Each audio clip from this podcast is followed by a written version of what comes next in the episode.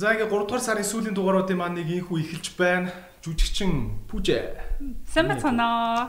Ээ, угаасаа Пүжэг танилцуулах ямар ч хэрэггүй гэж бодож байна. Би шууд сэдвээ танилцуулъя. Эмэгтэй хүний төлөвшил эрүүл мэнд тэр тусмаа гоо сайхнаа хитгэн хэрхэн хадгалах вэ гэдэг сэдвээр ярина. Мэдээж гоо сайхнаа хадгалж байгааг юм бол ерөөсөө номер 1 бэлэг тэмдэг гэж ойлгож байгаа Пүжэг тий. Баярлалаа. Ойлгомжтой. Тэгээд мөн Лардма гэдэг алдартай дүр байдаг. Гэр бүлийн хүчирхээлийн тухай гардаг солиотой кино байдаг тий. Ер нь би нэг удаа үзсэд баг 5 хоног депрессджсэн баг.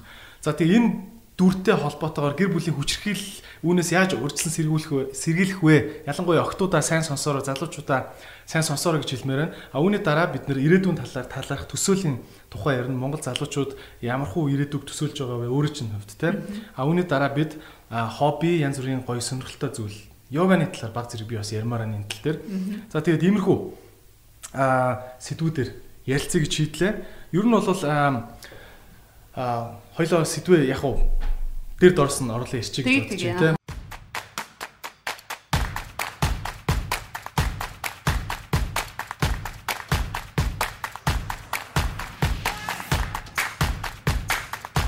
Бүжиг йога хийдэг гэдгийг нь бол бүгдээрээ мэдж байгаа шүү дээ.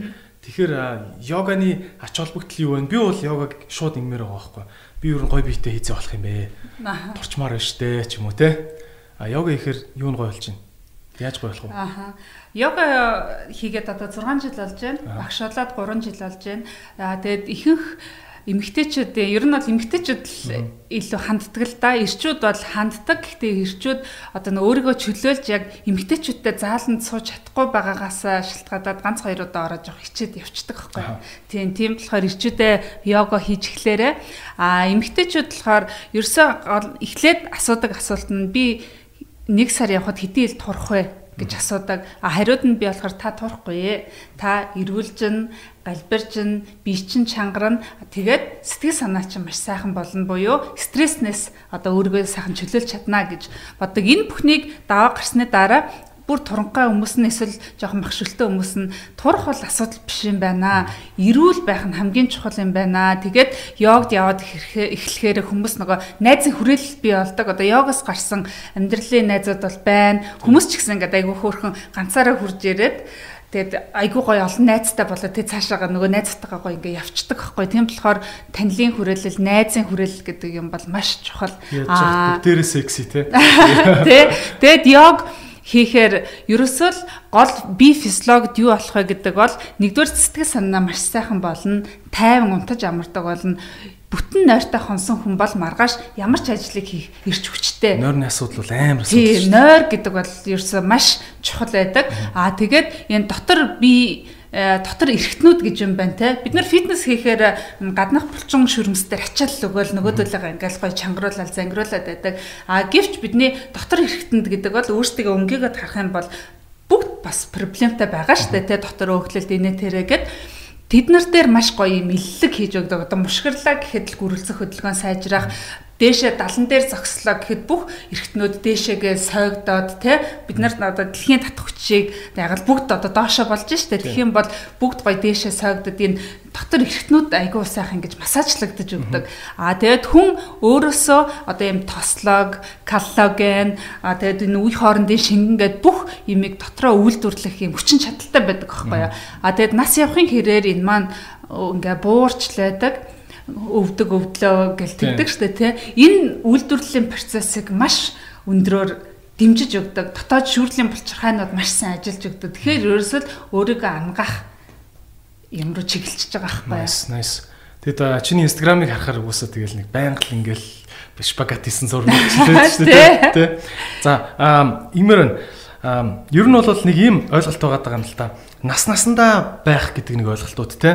Одоо ийм байгаа. Одооны охтууд тийм болчлоо, ийм болчлоо гэл хүмүүс ярьдаг тийм үү? Таныг таны бодлоор охтуудыг ерөөхдөө ингээд насныхын хөгжлөөр хид хувааж ангилж хардаг вэ? Ямар насны охтууд ер нь ямар хөө байвал зүгээр гэж боддог вэ те? Одоо өөрөө бол бас ингээд тийнейч байгаа л бас оюутанч байгаа л үзлээ те. Ингээд охтуудыг бол мэдээж насын бол яг эрдэмтэд бол ингээл хүний насыг ангилсан байгаа. Миний хувьд гэх юм бол одоо нөгөө өсөл төгжилт айгу өндөр болчихсон учраас бараг 10 наснаас эхлээл яг би эмгтэй хүн гэдгээ ойлгоод эхэлчихэж байгаа байхгүй юу. Аа тэгэл будаг шунхандаа анхаарал. Одоо манай 7 настай охин хүртэлтэй будна гэл ингээл талны өмнө эргэлдээл те. Би бүгднийг хүлэн зөвшөөрдөг. Яагаад гэвэл эмэгтэй хүн чинь байглаасаа өөрөө гоё сайхан байхансаа гэдэг юмд ингээд автаад явцдаг. Аа тэгээд 10-аас за нэг 15, 16-аас нэг 23, 4 ч гэдэг юм уу тэгэл ингээд магадгүй ангилагдаж магадгүй. Аа тэгээд хүмүүс ярьдаг штэ одооны охтууд гэл тэгэхээр өөр хизээч охин байгаагүй ч юм шиг те айгу тэгж дургуулгаж ярьдаг. Би бол тэрэнд дургу илүү дэмждэг.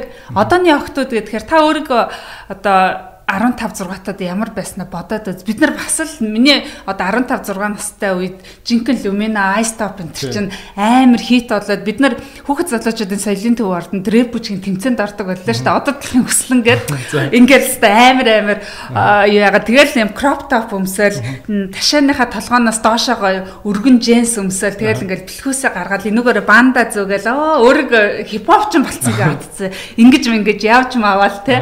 Одоо би насандаа тэгэж яваад энэ одоо юу вэ харин баг ингэж унж штэ тий.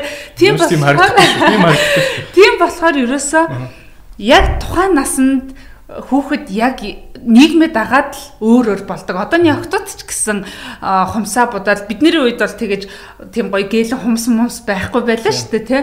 Тийм болохоор одооний охтууд гоё үсээ будаал бидний үед перкстдэг байлаа тий. Тэгэхээр ерөөсөө нийгмийнхаа хөгжлийг дагаад хүний нас насандаа амсах одоо тэр мод хөгжил энэ төр бол өөр байдаг. Тийм болохоор тэднээсээ ерөөсө буруутгах хэрэггүй. Би 20 настайдаа бол өнөд амар бариу хувцсан салуудаа бас л ингээ явж ялаа штэ. 7 одоо ч гэсэн өмсөлтөө. Одоо яа өмснө өмснө. 7 өнгийн линзтэй заяа. Зөө зөө нэг өнөөдөр би ягаан өнгийн линз зүүсэн бол ягаан өнгөөр нүдэ бодоод ягаан өнгийн хувц өмсөд тэгээд нөгөө айгүй их юм утасны юм бөмбөлөг нөгөө юунууд гардаг зүйлтнүүд гардаг гэсэн дээ өссөн бөмбөлөгтэй тэрийг ягаанаар аа маргааш ногооноор гэл бүр солонгийн долоо өнгөр ингэж явдаг байлаа шүү дээ. Тэр нь юм октод яалчгүй тийм солиордог наснууд байгаа. Тэр үеийг яг л даах хэрэгтэй. Тэгэхгүй бол юу гэдгийг ээж болчоод гэртээ суучаал би тэгхэнсэн ингэхэнсэн гэж биш. Яг л тэр дэврэн хүсэлтэй галзуу үе дээр яг л шоуд нас юу нэдэс хэдийн хооронд биелж чинийхэр зүгээр үү? Яг одоо клуб ороод сайхан шоуд бол Аа за шоудах нас гэвэл хүн хүний амьдралын хөвшлээс л болох эрт нөгөө гэр бүл зохиоцнууд нь болохоор зэрэг хүүхдүүдэд нэг цэцэрлэг сургуульд оруулчаад орж гард юм шиг байгаа. Аа за нэг 27 8-аас хоош гэр бүл зохиож байгаанууд нь нэг 26 7-оос өмнө шоуддаг юм шиг байгаа. Тэгэхээр нөгөө хүн хүнийхээ л онцлогоос шалтгаална. Гэхдээ ер нь бол шоудаа явж байгаа альч насны хүмүүсийн их буруу байхгүй үстэй тийм байхгүй шүү дээ тэр чинь залуу үе биш үү те залуу нас гэдэг бол дахиж олдохгүй шүү дээ. Гэтэ зөв соёлтой боловсноор Окей. За тэгвэл чамс асуулт чи эргээд дүв 18. За 18 те. Хууль ёсны дагуу яг гарч орж болдог дээр болоод ирнэ шүү дээ те. Тийм байвал чи юу юу хийсэн бэ одоо? Юу ямар охин байх охин байх байсан бэл? Аа хэрвээ өнөөдрийн ухаанаараа би 18-тай байсан бол маш их сурхал байсан яг юу өнөөдөр надад боломжтой байна. Би юуг сурч мэдээрээ. Надад одоо сурч мэдэг асар олон зүйлүүд байгаа шүү дээ. Тэрийгээ би аль болохоор хүнтэй суухаас өмнө ч гэдэм үү те яг ажил дээр гарахаас өмнө айгүй маш олон юмыг сурч мэдэх зүйлд би цагаа зарцуулах байсан. А яг тухайн 18-тад бол өнөөдрийн ухаан байхгүй учраас би бас ингэсэн явж байгаа дээ. Айгүй бол а Тэгэхээр ер нь бол сурах номер 1 те. А have fun тал дээр ер нь ямархуу юмнаас илүү таашаал авдаг байх байсан бол Аа тэрийг яг учиргүй яг хийхгүй байх нь. Тий, яг хийхгүй шүү дээ, тий. Тэгэхээр бас л тэгэл үеийнхэнтэйгээ хамт ингээл цагаан өнгөрөөгөөл тэгэж л явах байсан баг.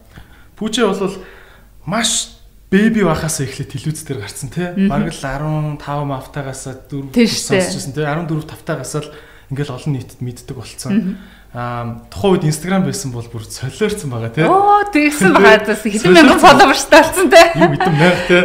Хэдэн 100 мянга гарцсан. Хэдэн 100 мянгаар шүү дээ. Тийм байх байсан баг. Тэгэд эрт ингээд медиа дээр гарсан. Аа ингэснээр одоо юу ч үгүй чамд магадгүй ингээд арай нэг жоох охтуудын аа дааж чадахгүй хэмжээний одоо юм нийгмийн юу ч гэдэм үү те аа комментууд ирж байгаа бах. Учиргүй инстаграм биш юм а гэж ингээл өөр сувгуудаа сонсож байгаа бах те. Аа одоо яг ийм хүмүүс байгаад байгаа байхгүй 15 6 настай мөртлөө ингээ 50 мянган фолловертэй. Тэгээ ингээ нөгөөдөл нь одоо юу ч үгүй ингээ янз бүрийн бичдэг байлгүй ингээл сэтгэл санааг дарамтлагдаг тийм ч юм байдаг ч байлгүй тий. А тийм үед ерөнхийдөө яаж сэтгэл сэтгэл зүгээ ч юм өөрийгөө ингээ хамгаалах тактикууд ер нь бол тий жишээ нь дүүнэртэй зааж өгч гэвэл байх байсан бэ. Бити тоо гэж нэгтгэдэж шүү дээ. Тэрнээс өөр юм байдаг уу? Тий, ер нь одоо за миний үед гэж ярих юм бол нөгөө энэ сошиал медиа хөгжөөгөө баха шар хэвлэлүүд байдаг байсан. Шавар хэвлэл буюу одоо энэ цаасан сонингууд бүр хідэн зугаараа ингээд гардаг байлаа шүү дээ. Тэгэл зураг хөргтэй явал намайг жирэмсэн суйсын хажуудлын түүцнээс юм авцсан загсчихсан чи зургийг авцсан. Пүүж жирэмсэн бараг ядарч өлсөж явна гэд ингээд түүцнээс би ингээд юм авч байгаа зурагт ингээд нууцаар авцсан тавьсан байсан байхгүй. Тэгэл тэр чинь нэг айгүй хүнд тусаал те. Хүнд тусан шүү дээ. Хүнд тусан тэгэл уйлж мойлал аа тийм болохоор гэр бүлийнхэнтэйгээ ер нь маш ойр чөлөөтэй байх хэрэгтэй болов гэж боддог. Манай ээж бол ялангуяа амар нөө залуу сэтгэлгээтэй. Намайг би тэгмээр ингэмээр нь гэл тэгэхээр тэгэлдээ юу яа л та чи өөрөө юу хүсэж байна? Манай ахын тэр чи юу хүсэж байна тэрийг л хий. Бусд хүн юу гэх нь хамаагүй чи л өөрөө хүсэж ивэл хийсний хадаараа өөрийгөө битээ буруутаг гэл хэлдэг. А ээж маань би хүсээ цоолмаар байна гэл тэгэхээр тэгэлдээ гэл надтай хөтлж очоод миний хүсээ цоололж өгөх жишээний ч гэдэг юм уу те. Тий, тэгэхээр ерөөсө гэр бүл бол э, тэр хүүхдийгээ аягүй сайн юу яах хэрэгтэй дэмжих хэрэгтэй. Тэгээд эцэг эхийн хооронд ийм хаалт байхгүй айгуу сайхан чөлөөтэй ярилцж явах хэрэгтэй болоо. Би ч гэсэн одоо охинтойгоо бас тийм байхыг хүсдэг л дээ. Яг найз шиг нь хөөе тэгснэ гэсэн яана тийм ярьж өгдөг юм шүү. Тэгэл ээж аавс хичээд. Эсвэл ээж аав нь бас жоохон техник хэрэгжилж байгаа хүүхдтэйг ярьж байна уу?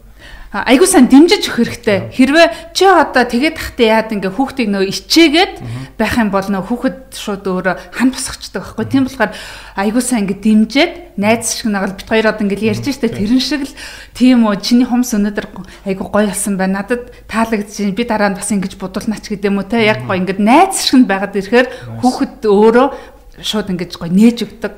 А мэдээж зөрчилдөх юм байлгүй л яхав те бид нарт насны зал ялгаа, нийгмийн ялгаа байгаа учраас өөр юу вэ? Одоо жишээ нь за хоёул зүгээр ингэ бодъё л да. За окей 17 настай. Тэгээд мангар олон дагагчтай. Тэгээ нэг зураг тавьсан чинь оо чи доор настай тэрнтэй явсан бидтэй. Оо чи тийм охин бидтэй энэ гэж биччихлээ гэж бод. Энийг social bullying гэд нэрлэдэг байгаа шүү дээ. Тэ одоо social орчим хэрэглэгч юм гэдэг байна шүү тийм үстэй. Тэгэхээр айгүй олон жоохон хүүхдүүд ингээд ээж аавтаа ярьдгүү. Бүр ингээд сургуулийн нууц групп дээр ингээд янз бүрийн зураг мөргийг тавиад да да да да. Аа. Энэ охин бол ийм охин гэдэг ингээд ярьцдаг гэж байгаа юм. Тэ? Аа жишээ нь чамд бол тиймэрхүү байсан л ах гэж би бодож чинь чи амар ингээд беби байхасаа л олны танд хэлсэн шүү дээ. Тэгэхээр өөр яаж одоо хүн хүнс эмхтэн хүн ялангуяа илүү сэтгэлзэн хувьд хүчтэй байх вэ? Аа За за ямар хэмжтэй. Энд бол нөгөө хувь хүний онцлог гэдэг бол нэгдүгээрт маш одоо номер 1 юм эзлэн зарим хүн төрөлхийн одоо юм айгу готрон гүзэлтэй хүн байна штэ. А би бол айгу өөдрөг гүзэлтэн байхгүй юу. Янз нэг юм тохиолдлоо гэхэд уйлчаал 5 минутны дараас гайлаа ингээл ингээл сэргэл бицаал ингээл явцдаг. Тэр бол хувь хүний тийм төрлөх чанар бас айгүй их нөлөөлөх бах гэж бодож байна. Тийм болохоор ерөөсөө нэгдүгээрт өөрийгөө битээ гол өөртөө маш их ихтэй ялангуяа эмгтээчүүд охтууд чи бол цорын ганц хувь энэ дэлхий дээр байгаа? Цорын ганц одоо үсгэлэнтэй охин. Тийм болохоор ерөөсөө өөртөө бүхэл тал дээр принцесс тий ихтгэлтэй байх хэрэгтэй. Би зүгээр нэг сайн сонирхоод асуучих за. Аа Зүгээр ажиглалт шүү. Тийм байдгүй л ах л та. Хараад хахад ингээд үеийнхэн дундаа ийм илүү ингээд боожил сайтай те илүү ингээд царилэг октод одоо жишээ нь арай өөр амьдралтай байд юм болов. Тэ илүү ядаг чи илүү олон ингээд залуучууд эргүүлдэг ч юм уу те. Тэрнээсээ болоод ингээд найз охтууд нь бүгдээр хичээлээ явж байхад ганцаараа мангар шоудаа үзсэн байдаг ч юм уу те. Тиймэрхүү юм чамд анзаарэгддэг үү? Хэрвээ тийм байдаг бол те ингээд жоохон хүмүүсийн амьдрал бас жоохон өөр өөр болоод байгаа юм шүү те. Тэр итгэлийг чи яаж авах юм гээд. За чи бол ингэ царилэг төрчлөө шүү. Тэгээд би яаж авах юм гээд. Би яаж итгэлтэй болох юм? Ааха. Тэгэхээр харин эн чинь ерөөсөө л нөгөө ахын анхдагч гэдэг шиг аав ээж охтуудтай тэр итгэлийг сайн өгөх хэрэгтэй байхгүй юу? Өө миний яста охин чи бол яста хамгийн хөөрхөн гих ч юм уу. Одоо манай дунд охин жишээ би нүдний шилтэй муухай нүдний шил авчгаар л би өстө хөөрхөн гэдэг тийм юм байгаад байгаа байхгүй. Тэгэхээр миний охин бол нүдний шилтэйгээ ч хөөрхөн чи бол хамгийн хөөрхөн охин өстө нэрэ гэл бид нэр ингээл аюу сэтгэл санаагаар нь дэмждэгтэй адилхан гэр бүл хүрээлэл нь тойрных нь аюу сайхан дэмжих хэрэгтэй. Аа тэгээд октоодын дунд магадгүй ийм юм байгаад байна л да. Хэрвээ чи туранхай цэвэрхэн царайтай хөөхөн урт төстэй байх юм бол одоо бусдын тийм бусдын дунд ингээд нэр хүн цайтаач гэдэг юм уу тийм бишээ хэрвээ тийм байсан бол одоо тийм энэ бүх лидерүүд өндөр туранхай байхгүй яасан. Бусад бүх үнний ихнэрүүд өндөр туранхай байхгүй яасан те. Тийм биш шүү дээ. Хүн чи өнөөдөр зөв хандлагатай, зөв сэтгэлтэй л байх юм бол чиний дотоод хүний чинь хүн олж харж хайрладаг байхгүй юу. Түүнээс заавал чи өнөөдөр туранхай байгаадаа супер биш гэж хэлмээр. А өөрөө царилэг болчоод ингэж хэлэх чинь амархан л та. Тэ нэг баян болчоод хүний хэрэгцээ жоохон штэ гэж шиг сонсогдох гээд шүү бүж. Гэтэ яг өмнө баха ер нь бол онгор нүд гэхээр амар тий шололдог байсан штэ ер нь бол тий. Найс нь бол яг үндэ онгор нүдийг бол модонд хортол нь л зүтгэлээ. Үгүй тийш штэ. Тий одоо бол онгор охтууд гоё шүү. Одоо хараа онгор охтууд бол гоё шүү. Надаас хүмүүс бас зүрхээ авдаг байхгүй юу? Давхраагаа хэлэхгүй нэ тэр гэхээр би бүр найз охиныхоо нэг найзад хэлчихсэн. Чи хизээч битээ давхраа хэлгээрээ. Чиний нүд хамгийн гоё нүд одоо бүр харин ийм нүд гоё байгаа шүү. Тэгвэл хүн болгон ийм давхраатай ийм болчихсон.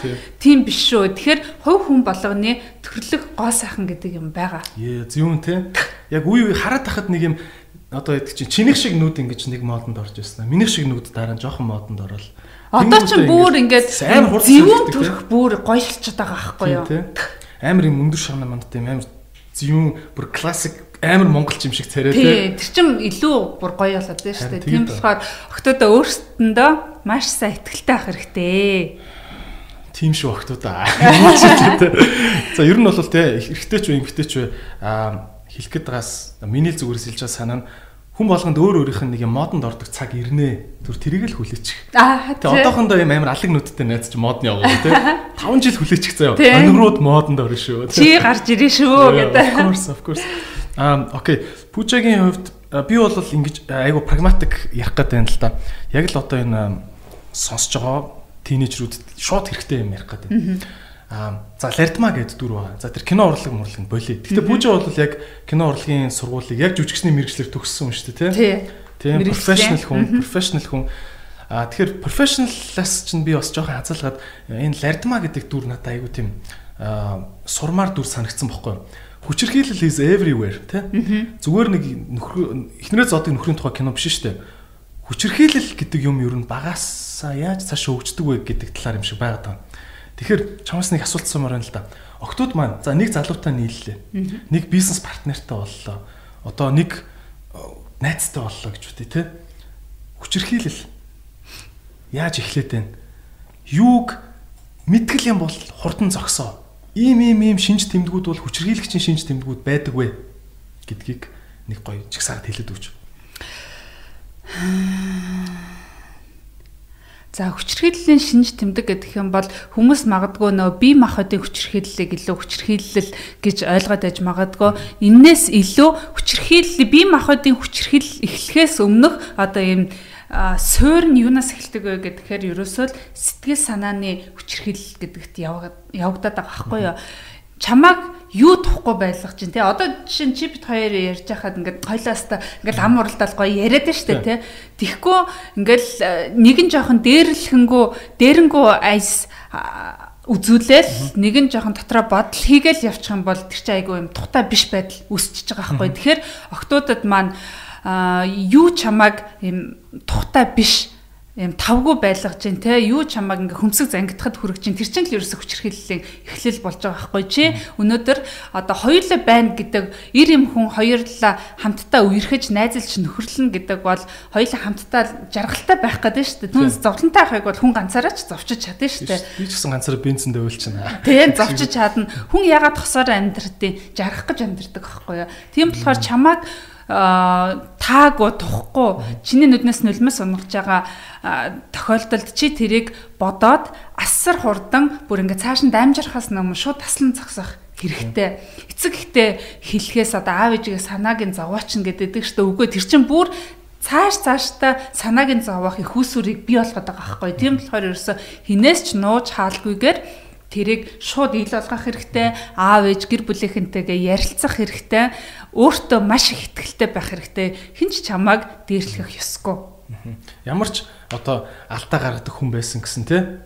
Харагдахад ингээд дарангуулагч нартай ингээд дээрлэгдэх хүмүүс дандаа хүний алдааг эхэлж олоод чи тэгээ үстэ иртээ Гэхдээ чиний буруу үстэй гэд ингээд төрүүлж буруутгаад тэгээ нэрээ миний л буруу би л алтаага засах хэвээр гэд тийм өөртөө бурууг өгөөд хүнийг ингэж тийм гимтэн юм шиг статустай болгож жагаад дараа нь тэг инг гэж тушааж эхэлдэг юм шиг санагдаад байна. Яг үнэ. Зөв. Тий. Тий. За ингээд Лардмагийн дүр дээр харж яхад нэг ийм сцен байгаа байхгүй. Нөхөр нь ингээ амар ууртаа орж ирээд зодохгүй байгаа заяа.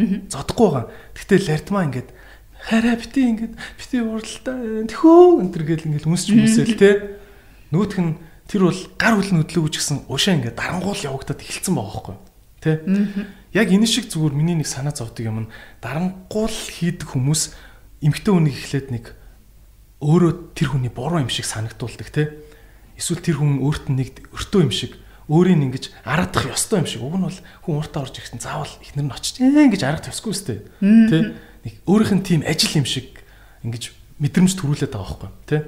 Тэгэхээр яг хуу ингээд жоохон ингээд октод маань ийм тийм дарангуулсан харилцаанд бити ороосоо гэж бодоод байгаа байхгүй. Тэгэхээр өөрөө чинь хувьд дүүнэртаа гэж зөвлөвл харилцаан дээр миний дүүнэр ийм анхаараараа эр хүн ийм хандлага гаргуул бити ингэж хүлээж аваараа ч юм уу те. Тийм зүйлс юу вэ? Аа хүн бол өөртөө нэгдүгээрт маш их ихтгэлтэй байх хэрэгтэй.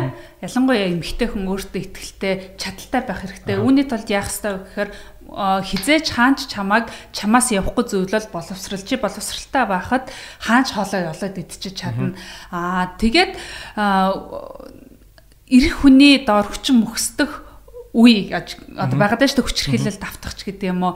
А нэгдүгээрт өөртөө маш ихтгэлтэй байх зүйлийг аав ээж октодтой өгөх ёстой болов гэж бодож байна. Тэгэхгүй яг ингээд хөндлөнгөөс хараад байхад одоо нөхөр нь тэгсэн нэг хүүхэдтэй хоёр хүүхэдтэй гэхээр За за би одоо аав ээжтэй хэлээд яах юм. За ашиг ашиг хүүхдтэй гайгүй хандд юм гээ. Өөрийгөө золиослоод байгаа байхгүй юу? Тийм биш ээ. Уг нь сайн авал да энэ гэж мэл. Тий, уг нь гайгүй яхаа ганц нэг юм л жоохон гимн ингээд байдیں۔ Энтэр гээ тэрийг юусоо огт өөгшөөж болохгүй. Эн чин үерхэж яхад мэддэгдэн штэ. Аа тэгээд эр хүнийг одоо найз залууга нөхрөө маш сайн таньжиж суугаач ээ. Тэгэхгүй бол хоёулаа үерхэл 1 сар, 2 сар, 3 сарын дараа ингээд нэг гэрт ороод маш хурдан хүүхэдтэй болчоод яг амьдрал дээр гараад проблем амьдрал зөндөө проблем болно шүү дээ. Жишээ нь хүүхэд өвдлөө гэхэд л проблем болол муудалцдаг байхгүй чи бараг өвтөгчлөө гэт чи юм те эннээс болоод сүулт бүхэл бүтэн амьдрал босгосныхаа дараа нөгөө хүнээ таньж эхэлдэг байхгүй юу. Тэгээд ингээ өөртөө харамсах гимшиг сэтгэл төрүүлээд байдаг. Тийм тихгүйгээр маш сайн удаан хугацаанд үерх үерхэж болохгүй гэж байгаа юм шиг шүү дээ тий. Хамгийн багтаа юу гэж бодсон? Аа за нэг ингээл нэг сэтгэл тэр чинь сэтгэл мэдрэгдэн шүү дээ. За энэ хүн бол үнэхээр тийм юм байна ч гэдэг юм уу. Аав ээж гэдэг бол номер 1 хүнийг таньдаг. Аав ээж бол хизээч чамаас урахгүй. Тийм болохоор аав ээжийнхээ үгэнд маш сайн орох хэрэгтэй. Аав ээж бол ер нь хүний хараал мэдэн шүү те. А тийм болохоор аав ээжтэй ха үгэнд ороод тухайн хүнээ тодорхой хугацаанд тань. Үүний тулд гэр бүл бити хурдан зохиогооч. Юу юуны тухайд хүрээгүй хүүхдтэй битгий бол хэрвээ сайхан нөхрөлж байгаа бол үнэхээр чамд тохирохгүй хүн юм уу чамайг шууд ийм хүчрхийллийн хэлбэрт оруулах чамайг ийм тухгүй байдалд оруулах юм бол хүүхэд байгаа штэ хариуцлага хүлээсэн байгаа ш. Шууд хоёр тишээ болгоод асуудалгүй байхгүй. Тэгээд энэ хүүхдийн чинь тэгээ хинт хийчих юм би л одоо ингээл автанд байж хахаас гэсэн Тий өөрийгөө золиослцсан. Тэгээд өөрийгөө ингээд амьдралаа аваад явна гэдэгтээ бас сэтгэл муутай юм шиг те. Итгэлгүй байгаад байгаа байхгүй. Яагаад итгэлгүй байна гэхээр боловсрал эзэмшихээс өмнө хүнтэй суугаад ингээд одоо энэ гэрийн эцэгтэй болчихсон. Тэгээд гараад ажил хий гэхээр нөө боловсралгүй ч ажил хийхгүй. А тэгэхийн оронд чи сургууль соёлоо төгсөөд боловсрлоо эзэмшсэн бол юу өстө гайл биш тэгэл гарлаа хүссэн ажлаа хийгээл чи өнөөдөр өөрийнх амьдралыг аваа. Make money болол тий. Тий. I see. Окей. Түрүүн өөрөө нэг айгүй гоё юм хэлээд байна л да. Энэ тав тухгүй байгаа байдлыг бити үлэмсшүүргээд тий. Би Америкт яг нэг юм адилхан концепт сонсч ирсэн байхгүй. Нөгөө Америкт болохоор яг comfortable гэж яриад байгаа шүү дээ тий. Comfortable бүх юм хүнд заавал comfortable байх хэрэгтэй гэж байгаа байхгүй. Маа монголчууд ингэж тийм байна л да. Одоо нэг охин ингэж найз залуу залуутайгаа ч юм уу дөнгөж үргэж байгаа залуутаа суужсэн чинь найз охинд нь ингээд найзууд нь таалагдахгүй ч болно шүү дээ. Тэ. За би ингээд төрүүл явж яа гэсэн чинь. Өчиг наав хүндлээ жоохон суучих л та. Магтгүй. Тэр эмгтэй хүн эрэгтэй хүн учиргүй ингээд тэр охинд муу юм хийгээгүй ч гэсэн тэнд байхад тухта биш байгаа байхгүй тэр охинд те. Тэгэд Америкт бол тэгдэг байхгүй. Эмгтэй хүн заавал би явлаа гэхэд эн чинь болохгүй тэр чинь болохгүй гэдэг шалтгаан тоочих ямар ч шаардлагагүй. Зүгээр л not comfortable uncomfortable байна гэж хэлээл гараа явахад энэ бол ингээд хаяад явах хангалттай том шалтгаан болдог гэдэг байна. Тэ? Энэ чи санал нийлэх үү те? Нийл нийлнэ. Тэгэхээр нэгдүгürt хүн өөрийгөө хүндлэхгүй нөгөө бусдыг бодоод байгаа байхгүй юу. За за энэ намайг юугээ одчихвол дараа нь намайг тэх бах та гэд. Хинч амьдрал дээр чамааг бодохгүй хүн болгон өөрийгөө бодно шүү дээ. Ямар нэг асуудал болоход тийм болохоор чи нэгдүгээрт өөрийгөө хүндэл. Чи л тухгүй орчинд байвал хаан чамд тухтай байна. Чи юу хийхэд таатай байна. Тэрийгэл дагах хэрэгтэй. Тийм. Тэгээд нөгөө чи тэгээ хаяа явчихгүй байсан тэнцэн муухай байсан бол гэхээр үгүй яг яг юу гэж хэл одоо хэлэхээ мэдэхгүй байсан юм аа нэг яг ингээд тэмж болохгүй ч нэг юм байхгүй л дээ. Ингээд байдаг байхгүй. Нөө тий. Тийм шүү дээ. Тайлбар тавих угаас юм шаардлагагүй байхгүй. Үгүй гэхдээ одооны үе ер нь өөр болсон байлаа. Ягаад тэгэхээр зэрэг одоо нийгэм чинь цаг үеэд агаад өөрчлөгдөн шүү дээ. Бидний үед бол магадгүй тэгэл нэг бүрэг чимхээ зангаасаа болоод заа заа гэл ингээл өөрийгөө барайл ингээл э, дотроо төмбигээл магадгүй тисэд суудаг байсан баг. Одоо бол өөр болчихсон. Миний асуудал биш шүү дээ. Надад чинь ингээл шууд ингээ хайж явж чаддаг болчихсон бас арай өөр болсон байлаа шүү. Зашгүй дээ. Тийм байгаасаа гэж найдаа. Тийм байгаасаа. Окей. А би ингэдэг байхгүй англи хэлний ингээ үг цээжлүүлэх ингээ сургалт мургалт хийдэг те. Үг цээжлүүлдэг. Apple реклам чинь нэрээ HippoCards гэдэг app бүгдээрээ даунлоод хийж авсан байгаа. Байлгүй дээ. А ер нь ингэж байгаа байхгүй. Нэг үг цээжлүүлдэг байхгүй би. Preserve гэдэг үг байхгүй. Preserve гэдэг үг яг чинь preserve гэж байгаа сонсдог байхгүй. Preserve би тэгээ бүр чиний зургийг харуулж байгаа тэр үг заадаг байхгүй. Харал та. Preserve, preserve. Preserve ихч Игч чинь гэдэг дандаа хүүхдүүд хүүхдүүд зааж байгаа шүү дээ тий. Гоо сайхнаа амаргүй хадгалсан байгаа шүү дээ. Preserve гэдэг бол юмыг яг гой байгаагаар нь чанарыг алдахгүй хадгалуулахыг хэлдэг юм аа. Хадгалахыг хэлдэг ба. За ийм үг заадаг байхгүй жишээд Аа тэгэд sorry чиний зургийг би ашиглалттай шүү зургийг. Хүнд айгу хурдан тогтоогдох юм шүү дээ. Тийм. Яг тэгж л үг заадаг байхгүй. Аа тэгэд энэ гоо сайхан хадгалах гэдэг юм биш үү? Би ч гэсэн айгуух сонирхож байна тий. Удахгүй ингээд хөгшрөлт процесс явагдаад эхлэх бах. Яаж энэ ингэж гоо сайхан хадгалаад байна. Яг нууц юу вэ? Баярлаа. Эго гой магтуулчтай шүү дээ, тий. Нууц. Аа, за гоо сайхан хадгална гэдэг бол одоо нөгөө юу шүү дээ. Хортой гооцоглон бол энэ бол байгалийн юм а те 30 та гооцоглон бол хөдөлмөрдөгчтэй гооцоглон 50 та гооцоглон бол бишэр магт энэ гэдэг шүү дээ. Энэ бол хөдөлмөр гэд хүн болгон өөртөө тохирсон гооцоглонтэй гэдэгт бол би итгэдэг. Яг гэвэл хинч дахин давтагдчихгүй байгаа штэ. Тэрийг хүн яаж өөрөөрөө дамжуулах вэ гэхээр ерөөсөө өөртөө итгэх итгэлтэй байх хэрэгтэй. Мянга ингээд хөөхөн охин ингээд өөртөө итгэлгүй ингэж байж хахад ингээд яа за жишээ чиний хараад ангар нүдтэй охин өстө мангар өөртөө ихтэй ингэж байж хахад хүн шууд тэр нь тусдаг байхгүй өөртөө итгэх итгэлтэй энэ өстө ямар гоё кул юм бэ ч гэдэг юм уу тэгэхээр ерөөсөө өөртөө маш их итгэлтэй байх хэрэгтэй. А хоёрдугаарт одоо эрүүл мэнд гоо сайхнаа хадгалах тодорхой хэмжээний бас юм арга зам юунууд зарчмууд гэж бас юм. За шууд хийгээл за нэгдүгээрт арьсан тий. Би ч нөө лобогийн фейс модельээр ажилладаг штэ. Тэгээ сая намар 10 сард Японы Осака дахь байрлах Доротагийн үйлдвэрээр нь зачиллаа. Аа бас гоё нэвтрүүлэг хийгээд ер нь бүсгичүүдтэй энэ гоо сайхны бүтээгдэхүүнүүдийг хэрхэн ямар шат амжлагтайгаар явдсан бэ гэдгийг бас танилцуулах юм шорт нэвтрүүлэг хийж явсан байхгүй юу. Тэгээд ингээд юутай мэрэгчлэлтэнтэй нуулзаад яжсан чинь аа арсыг яг сайхан байлгах гурван үндэс нь л юм байна гэж байгаа. Нэгт happiness гэж байгаа аз жаргалтай. Аа сэтгэл хангалуун байх. Аа хоёрт нойр буюу бүтэн нойртой хонох гэдэг бол ерөөсөө бүх энэ гоо сайхны бүтээгдэхүүнүүдээс илүү хамгийн номер 1 гол зүйл гэж байгаа байхгүй. Тэгээд гурав дахь нь болохоор чигшил, арсны чигшил гэдэг яг санал нийлж. Тэгээ энэ гурвыг айгүй сайн мөрдөх юм бол чи сайхан арьстай байна гэсэн үг. А түүнээс бол би энэ сэвх нөсөө талбан дээр бол нэг учиргүй асуудал үүсэг ингэж хүн дээр авдаггүй л дээ яг гэвэл би багасаа л юм сэвхтэй байсан одоо ч бүр сэвхний набар болж байгаа. Тийм болохоор гол нь эрүүл арьс байна гэдэг бол чиглэг ийм толгор арьсыг хилдэм болоо гэж боддог. Чинийх дайггүй байна. Тийм. Би ч бас Окси мокси гэдэг шиг. Би ч бас калогенлог болчиход. Би би нэр Окси брэндтэй бас гэрээ хийгээд сошиал юуны. Instagram дээр бас төлбөртэй стори энэ төр оруулдаг байхгүй. Бас компаниуд сонсч ивэл тэ бас үнэн санал явуулж болно шүү. За явуулж байгаа нэг хэлчихэ зүгээр хальт. Commercial орчих. За тэгэхээр гэлөрөө нэг хүчил гэж байна. Одоо бүгдөө мэдээд байгаа те. А хадала бод дээр болохоор бас жижигхэн юм рекламадад ячил та миний бас өгөрөх шүү те.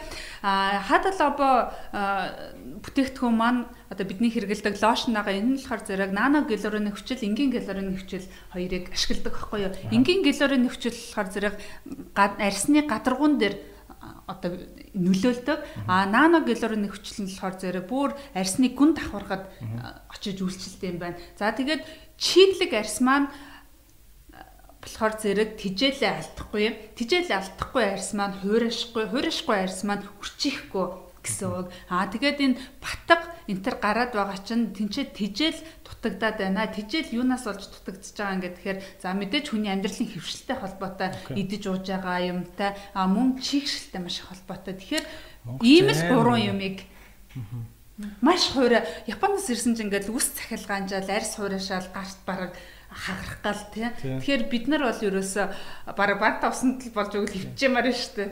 Би бол тэр оксиг нөгөө надаа ингээд цаанаас өгчдөг аахгүй хэрэглээг юм маань. Багхгүй гэж сүүлийн хэдэн сард юм ба. Өстө зах замбараагүй төрөхтэй шүү. Хүзүүн мүзүүндээ ингээд дүф дүф дүф чих мэхний артал мартал ингээд ил гарсан ярьснууд те.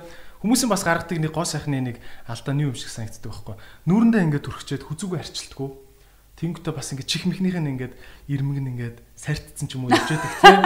Ирчүүд чинь хэцүү шттэ. Би бол тийм л лсэн нэрээ. Яг сүүлийн хэдэн сар яг ингээд наад чигшил гэдэг юм чинь бүр солиотой ч юм. Тэгэхээр арчилсан арьс арчлаагүй арьс шал өөр байгааз. Мангар ялгаатай. Амар ялгаатай. Тэгэхээр ерөөсө арчилгааг бол зайлшгүй хийх хэрэгтэй.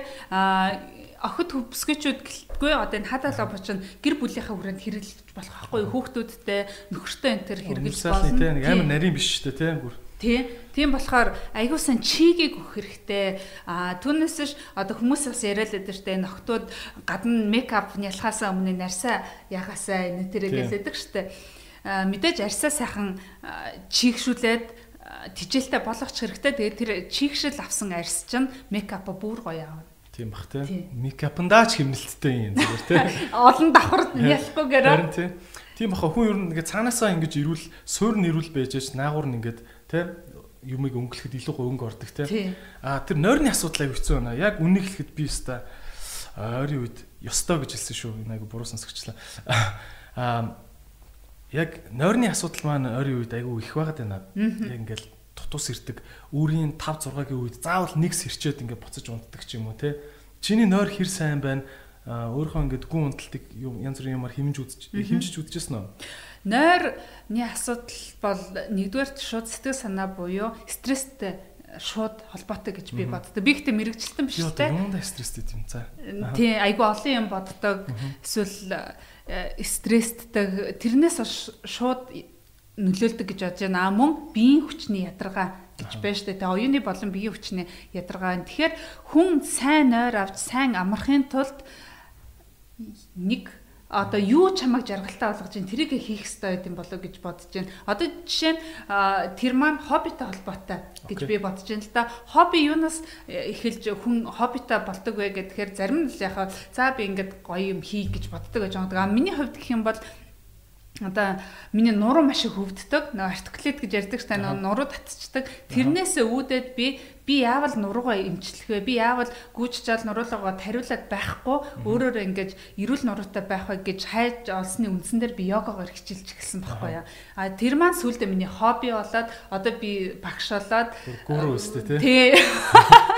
Тэгээд ингээд бас хөрөн шавтаа болчихсон тий. Тэгээ би ингээд хоббигоороо бас ингээд амьдраад явж байгаа байхгүй. Тэгэхээр хүнд зайлшгүй бас хобби байх ёстой болов гэж бодож байна. А стресст орсон хүн маань хамгийн түрүүнд стресс тайлах арга замыг хайдаг. Энэ л хор зэрэг хэрвээ чи хоббитай байв шууд хоббигоо хийн зааста боли гээл зааланд очиод төмрөө өргөх ч юм уу эсвэл гоё йогагоо хийх эсвэл бүжиглэх гоё бөмбөрөө дарах ч гэдэг юм уу а яг тийм тогтсон хоббигүй хүн яах вэ гэхээр стрессээс тайлахын тулд нөгөө хундаг юм авах гоё тийм шүү дээ нэг газар очиж шоуд жоохон суухаар гоё юм шиг те. Тийм. Тэгэхээр хүн яг зөв амьдралын хөвшлийг өөртөө бүрдүүлэхийн тулд сайхан хоббитай байх хэрэгтэй. Зөв амьдралын хөвшил гэсэн одоо маш олон юм салаа замууд байна шүү дээ. Энийний одоо нэг нь жишээ нь зөв хоол, зөв амьдрал нэр зөв хоол гэдэг уучлаарай ярин тасарчлаа. Зөв хоол гэдэг шүү дээ. Цааш өршлүүлчих. Үгүй үгүй басаа. Болсон за. Окей. Зөв хоол гэдэг шүү дээ.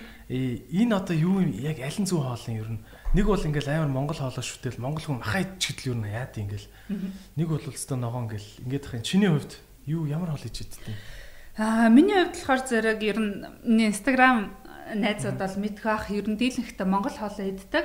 Аа тэгээд би ч гэсэн яг л 23 4 настай да турхын сан гэл бас турхын өвчнөд орцсон те турхаа мөртлөө өшөө турхын сан гэл тэгэл юу ч идэхгүй 2 3 хоногод тэр чинь нас залуу байгаа учраас шууд 2 3 хоногийн дотор л 2 3 хилэг хайчдаг байхгүй юу.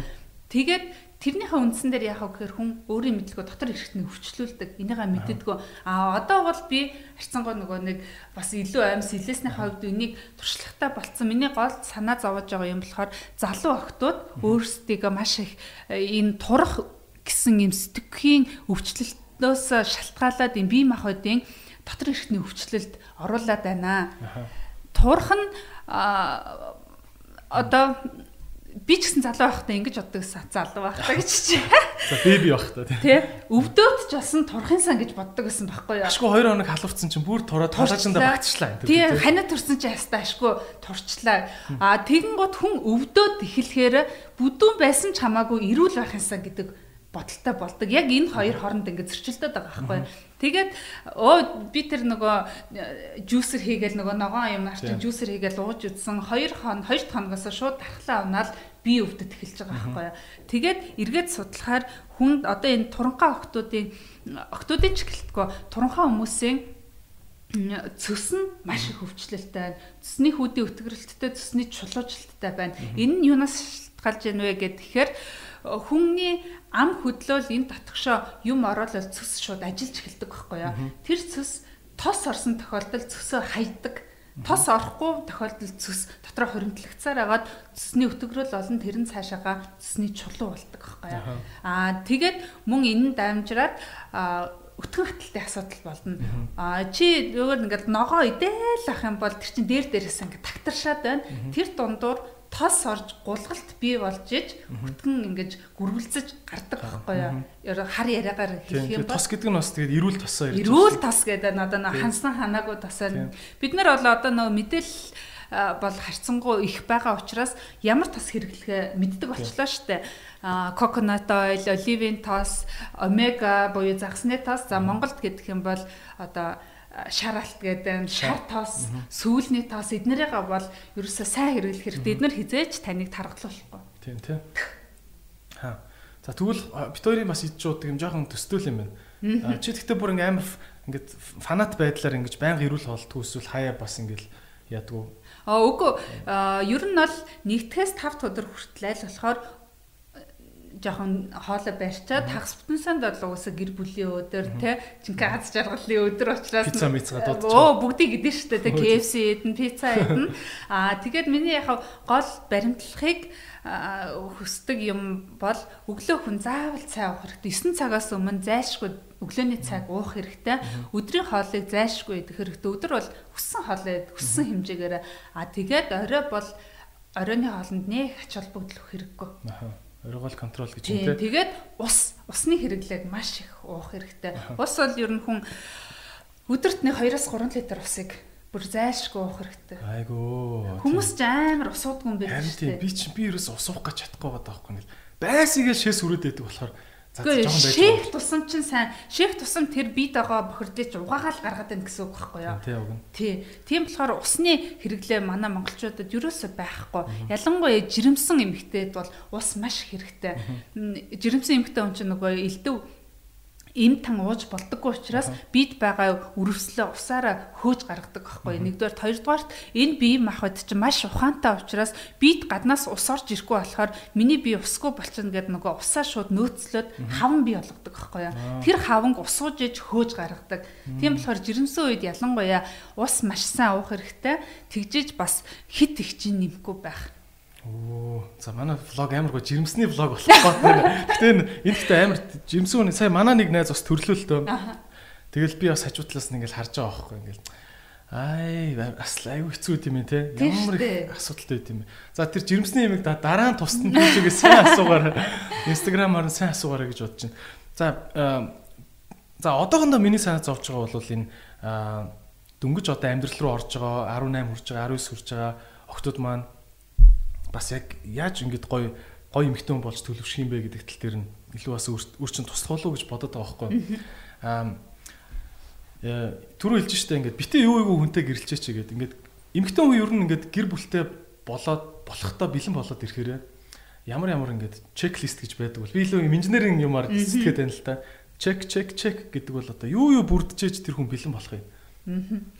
Бид нэр 10 жилдээ хахта ингэж ярьдаг гэсэн шүү дээ. Би сургууль дараад, их сургууль дараад, мэрэгчлээ болчоод, ажилд ороод, тодорхой хэмжээний байр суурьтай болчоод, өөрөө орох оронтой болчоод, тим юмтай болчоод гэл ингээд бүх юмнуудаа ингэчээ тэгээ би хүнтэй суугаад хүүхдтэй болно гэж. Ерөөсөл 10 жилд байхад бид бүгд тэгэж ярьдаг байсан. 10 жилээ төгсөөд их сургуульд ороод нэгдүгээр курсээс ахуулаад хос болоод ингээд гэр бүл болоод саад нээгээд ингээд бүх юм бодаа болдог те. Тийм болохоор одоо энэ амьдралынхаа төлөвлөгөөг яг өөрийнхөө энэ мөрөөдлийг аягүй сайн бичих хэрэгтэй. төлөвлөх хэрэгтэй гэж бодож би тийм байх хэвээр, тийм байх хэвээр гэдэг ингээд яг зорилгоо аягүй сайн биелүүлэх хэрэгтэй. Тэхийн тулд яах хэвээр эмгтэй хүн өөрийгөө хамгаалах хэрэгтэй. Чи өөрийгөө хамгаалахгүй бол эр хүн хизээч яана чи минь жирэмсэн болчихё гэж хизээч чамааг ботохгүй. Тийм болохоор ерөөсөө өөрийнхөө планаар яваад идэг. Эмэгтэй хүн хажууд ингэ байж ах хэвээр юм шиг үү? Тийм. Эмэгтэй хүн хайртай дуртай гихэл ахaltaа. Гэтэ тэр эмэгтэй хүний эрүүл мэнд амьдралынх нь ирээдүйн зорилгыг хизээч одоо юу гэдэг номер 1-т тавихгүй өөрийнхээгаар л бодно шүү дээ тийм болохоор эмэгтэйчүүд октод маань зарсан зорилготой нэгдүгürt маш их үнэнч авах хэрэгтэй. Хоёрдугаарт өөрийнхөө бие эрүүл мэндийг хамгаалах хэрэгтэй. Одоо бол ерөөсө бүх арга зам бол нээлттэй биш үү тийм болохоор би айгүй олон нөгөө дөрөвхттэй болохоор айгүй олон юм нөө ээжүүдийн группт байдаг л та Тэгээд тэр охтод одоо сүүлийн охиныхаа группт бол би бараг хамгийн хөгшөө ээж нь. Тийм тэгээд охтод хүүхд болгон тэр нэг нэг. Тийм одоо жишээ нь 18 оны 10 11 сар төрөх групп ээжүүдийн групп. Тийм. Тэгэл нөө жирэмсэн болохоос ахуулаад миний би тэгж чи тэгж байна. За би төрсөн шүү гэл айгу хөөхөн ингээл хүүхдүүдтэй хамт ингээл тэр ханаа төрсөн байна одоо юу өөхөө гээл тэгэнгүүт би тиймдээ өгж байгаа ингэж байгаа ингээ хөөх ингээ хамт явчихдаг байхгүй. Тэгээд охтуудыг ажиглаад байхад нэгдүгээрт маш хурдан хүнтэй сууж байна. Тэгээд э, хүнтэй маш хурдан суучаад э, тэр хоёр хүн чинь нөгөө дөнгөж хоёулаа их сургуулийн оюутнууд байгаа учраас аль нэгнийхээ гэрт буюу хадмууттайгаа хамт байж байна. Тэгэхээр проблем гарч ирнэ те. А тэгээд тэр эрт хүнтэй суучгаар нөх хүүхдээ хараад гэрте байна штэ. Нөхөр нь бас ингээд ингээ тоглоод явчихж байна. Тэгэхээр проблем үүсэж байна. Гэрте байгаа болохоор тэр хүн чинь нөгөө өөр ингэсэн орлогогүй болчихно. Тэгээд төрснөө дараах одоо их хүний сэтгэл зүйн готрал гэдэг юм байна. Тэгээд хүүхэд нь нэг нас хүрээд гайг болж дахиад жирэмсэн болчихно.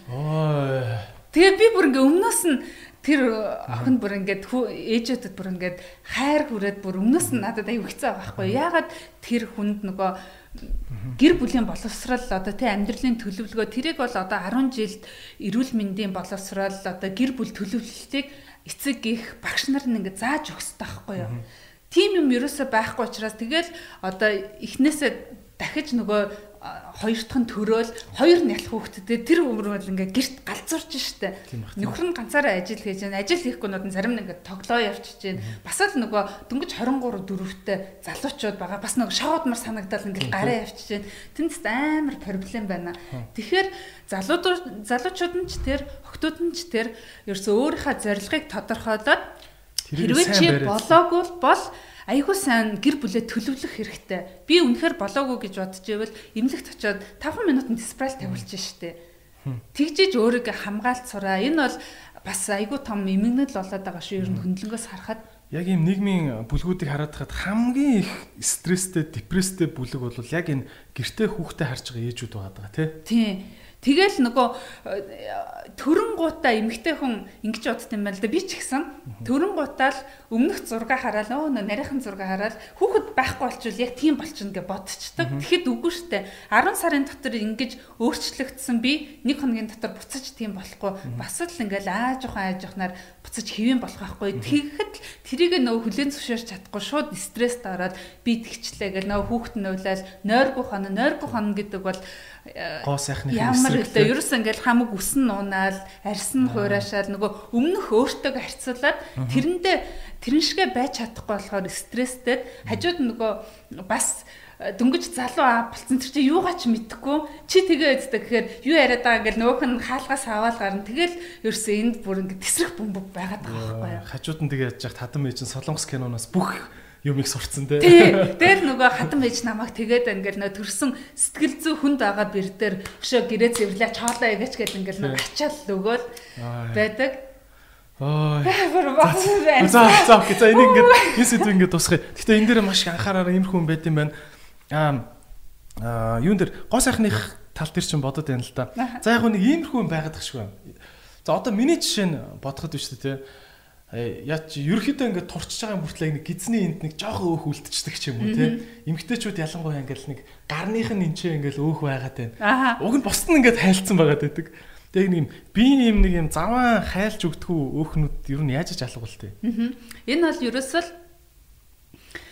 хөдөлмөр чи хөдөлж байгаа тохиолдолд энэ би зайлшгүй өөрчлөлт үзүүлнэ. Бүсгүүчүүдийн номер 1 хамгийн алдаатай яваад байгаа зүйл маань 10 хоногт 7 кг турна. Гэхдээ ерөөсөн маш богино хугацаанд асар их үр дүн өсөд байгаа байхгүй юу? Чи үнэхээр 10 хоног 5 хил 7 хил турмаар байгаа бол ус угаал зүгээр хөвт. Тэгхийн бол ингээ хамаг бие чинь сул байгаад булчингаа алдаад эрдэс байцаа алдаа чи ингээд турн гэтээ чи ингээд бүү зүгээр ингээ санжгансан юм болох байхгүй юу? А тэгхгүйгээр чи бие хөдөлгөөд энэ булчингууд дээр ачаал өгөх юм бол Удаан хугацаанд маш юм чанартайгаар бие чангалж галбирчилж турна тэрийг удаан хугацаанд алдахгүй. Хичнээн туранхаач гэсэн ингээд сулбар биетэй байх юм бол ингээд нэг юм үлбисэн л юм байгаад байна. Аа гой харагдахгүй. Тэрний оронд өөртөө тохирсон жинтэй булчингийн мастай юм чилгэр байх юм бол хүн ямар гоё юм байхаа ирч хүчтэй байхаа гэдгийг л сонголт алстай өмнө нь байна. Йоо, бүжи ч амар йог ч шүү дээ, супер йог ч энэ би бас эрэгтэй хүн бас йогоор хичээлвэл гоё юм болов гэж бодоод байдаг байхгүй. Техник явдггүй те. Тийм, эрэгтэй хүмүүс гадаадд бол супер хичээлж штэ. Өө нөгөө эртүү зөмсөд мако өмсөд. Тэгээ манайханд бас жоохон нэг юм соёлын ялгаа байна. Нөгөө ичингүүрэл гэдэг чинь л байгаад штэ. Ичмэр юм билээ. Би бол яг ингээд йог явахаар тойроод битүү эмгтээчүүд ингээд ганцаараа эрэгтэй хүн тэгжсэн чинь ингээд нэг эрэгтэй хүн хамт ороод ирж байгаа байхгүй. Тэнгүүд чи яасан сонь залуу гэж нөгөөдхийгээ нөгөөдхийгээ харснаа чи ямар сонин гар вэ гэж бодоод өөрөө орж ирсэн юм чинь. Яа өнөө өнөө фаны тэгээд Одоо бол нэрэ эргэжтэйчүүд ч гэсэн гоё яа. Гизэн дээр нэг юм жоохон өөх үлдчихсэн шүү дээ. Энэ алга болох уу? Хевлийн өөх бол ерөөсөө цэвэр хоолных байхгүй юу? Тий. Тэг нэг юм жижигхэн өөх үлдчихэд байгаа байхгүй юу? Тэрэг бол нэмэлт экстра юм нөгөө гизнээ таталт хийж иж арилгана. Оо амар хэцүү юм би тий. Чамаг өгн нэг юм 3 хоногт сайхан гэд ярьчих юм бах гэж бодсон чи. Ерөөсөө л хөдөл хөдөлж ижил үр шимээ хөдлөн сэтгэж иж. За. Окей, very pragmatic юм ярь. Very pragmatic. За. За, эмгтээчүүд сонсож байгаа. За, эмгтээчүүдийн гарны өөх жишээ. Аа. Би нэлээд олон сонсож байсан. Хамгийн Авгаа мах. За, тэгж ямар амар нэртэй. За. За, тэр махыг тэгвэл жишээ гараа яаж гой болох юм. Энэ мах бол алга болно. За, яаж? Энэ мах бол ерөөсөө цэвэр соналтаар алга болдог байхгүй юу? Одоо йог дээр доош харин бүр гарын бүр амар улам бак болчихгүй юм. Эн чин өөх байгаа штэ. Булчин э, сул мах өөх чин эхлээд өөх нь хайлан дараа нь тэр сул мах чин чангарна чангарахаар агшдаг байхгүй юу? Тэгээд э, энэ мах чин одоо гоё ингэж булчингаараа хуваагдаж эхлээд бас байна Ямар ч тийм тийм мах байхгүй тий. Төрсний дараа бол бүр юм бондгор юм ингэхээр намирдаг байсан байхгүй. Тэгээд яг йогогоо хийгээд эхлэхээр йог ямар гоё гэж бодно. Йог бол дандаа гар дээр ачаал авдаг. Учираас энэ гарыг маш гоё булчинжуулж өгдөг. Тэгээд агшааж нарийнхан болгодог. Мөр ялангуяа айгүй юм дэвхгэр болдог.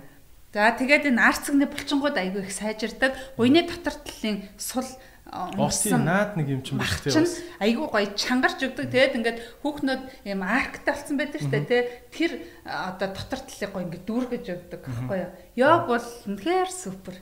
Вау. За йог хийгээрээ тэгээд пүүжигийн йог чинь юуны цэнгэлт хүрэл ямар цэцэрлэгт хүрээлэнгийн тэнд байдаг те. Харин би тэгж байгаа нэг зэн очно. Тэгээрээ. Аа. Гэл гоё. Гэтэ йог хийх хамгийн гоё юм нь яг сүултэн дээр унтдаг нь те. Тэгээд хараа би ч нөгөө нэг сая жирэмсэн багтаач авч исэн төрчөөч авч исэн те төрсэн эмэгтэйчүүдэд ялангуяа амар гоё хурдан үрдэн үзүүлдэг байхгүй яг тэгэл тэр чинь нөгөө богино хугацаанд өөхөлдсөн бий байгаа штэ. Тэгэхээр айгүй нялх би тийм сэвсгэр өөх чинь айгүй хурдан хугацаанд буцаж ингээд агшаад хавангаа хөөгөөд буцаж ингээд бие чангардаг. Тэгээд ингээд хөөхөн бондгор бондгор хөөхнөт чинь яг нэг 2 сар 3 сарын дараа ингээд галбиржаал өөртөө ихтгэлтэй болоо. Тэгээд нөгөө үргэлж гэртээ хүүхдээ ингээл хараад нөгөө хүүхэд хөхүүлэхээр эн чинь ингээд овоочдаг байхгүй ингээд бүхтэйгөөд тий. тэгээд тэр стресснээсээ жоохон ч гэсэн нэг цаг 30 минут тайлагдаад яг өөртөө адилхан төрсэн ээжэдтэй нөгөө гоё юмнуудаа яриад амар гоё сэтгэл өдрөг болоод гэртээ очдог байхгүй. Та нар йога тэгвэл ингээд баг шал малан дээр сүү тусалсан байдаг. Сүү хөл солилдол таслаа штэ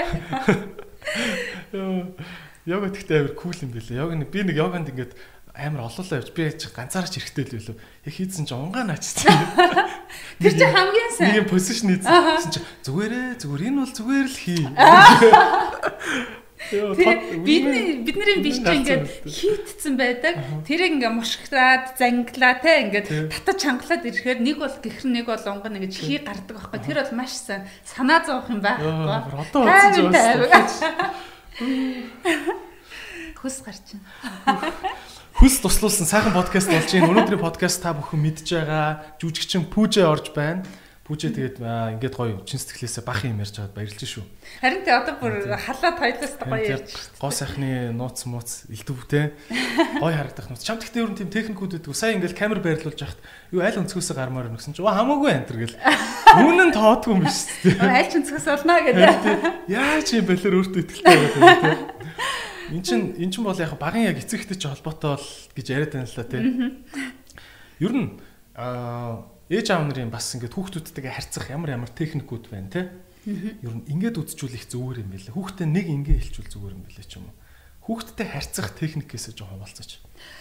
Аа одоо бол ер нь хүүхдийн эрх гэж айгүй их ярьдаг болсон л да. Би өнөө өглөө ч гэсэн фэйсбүүкээс уншижсэн хүүхдийн эрх зөрчигдөх, хүүхдийн хүчирхийлэл гэхээр зөвхөн зодох биш. Тэр хүүхдийг ерөөсөө төрсэн цагаас нь ахуулаад вакцинд хамруулах хэрэгтэй, өмсөг зүүхээр дутаахгүй байх хэрэгтэй, өдрийн 3-аас 5 удаа хооллох хэрэгтэй гэдэг. Эдгээр чинь бүгд нөгөө дутагдах юм бол хүүхдийн хүчирхийлэл болоо явчихж байгаа байхгүй. Тэгэхээр эцэг их болно гэдэг бол зөвхөн ингээд аав ээж гих нэрийг зүүх биш, маш өндөр хариуцлагатай тэр бүхэл бүтэн хүнийг ингэж насанд хүртэл нь ингэж боожулж өсгөн гэдэг бол маш их өндөр хариуцлага болон явчихж байгаа байхгүй юу.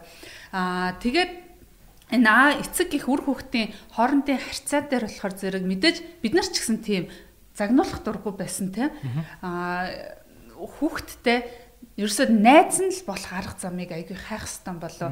Найз нь болоод ингээд тэгмээрэ нэгмээрэ ингээл хоёлоо тгийл та ингээл та гэл хамт байгаад одоо инстаграмаар харж байгаа бол би хүүхдүүдтэй айгүй их өөрөөр нь ингээд юм хийлэгдгэлтэй хоол хийж явахдаа ч гэсэн хажууд нь ягаад тэгээд инстаграмаар надад нөө захиа ирэхээр айгүй тэгдэг. Би хүүхдүүдтэй ерөөсөө ингээд гурил мөрөл илдүүлдэггүй завар болчтой тийм а. Тэгэхээр сүулт нь цэвэрлэх гэхээр надад айгүй ядаргаатай байдаг гэд.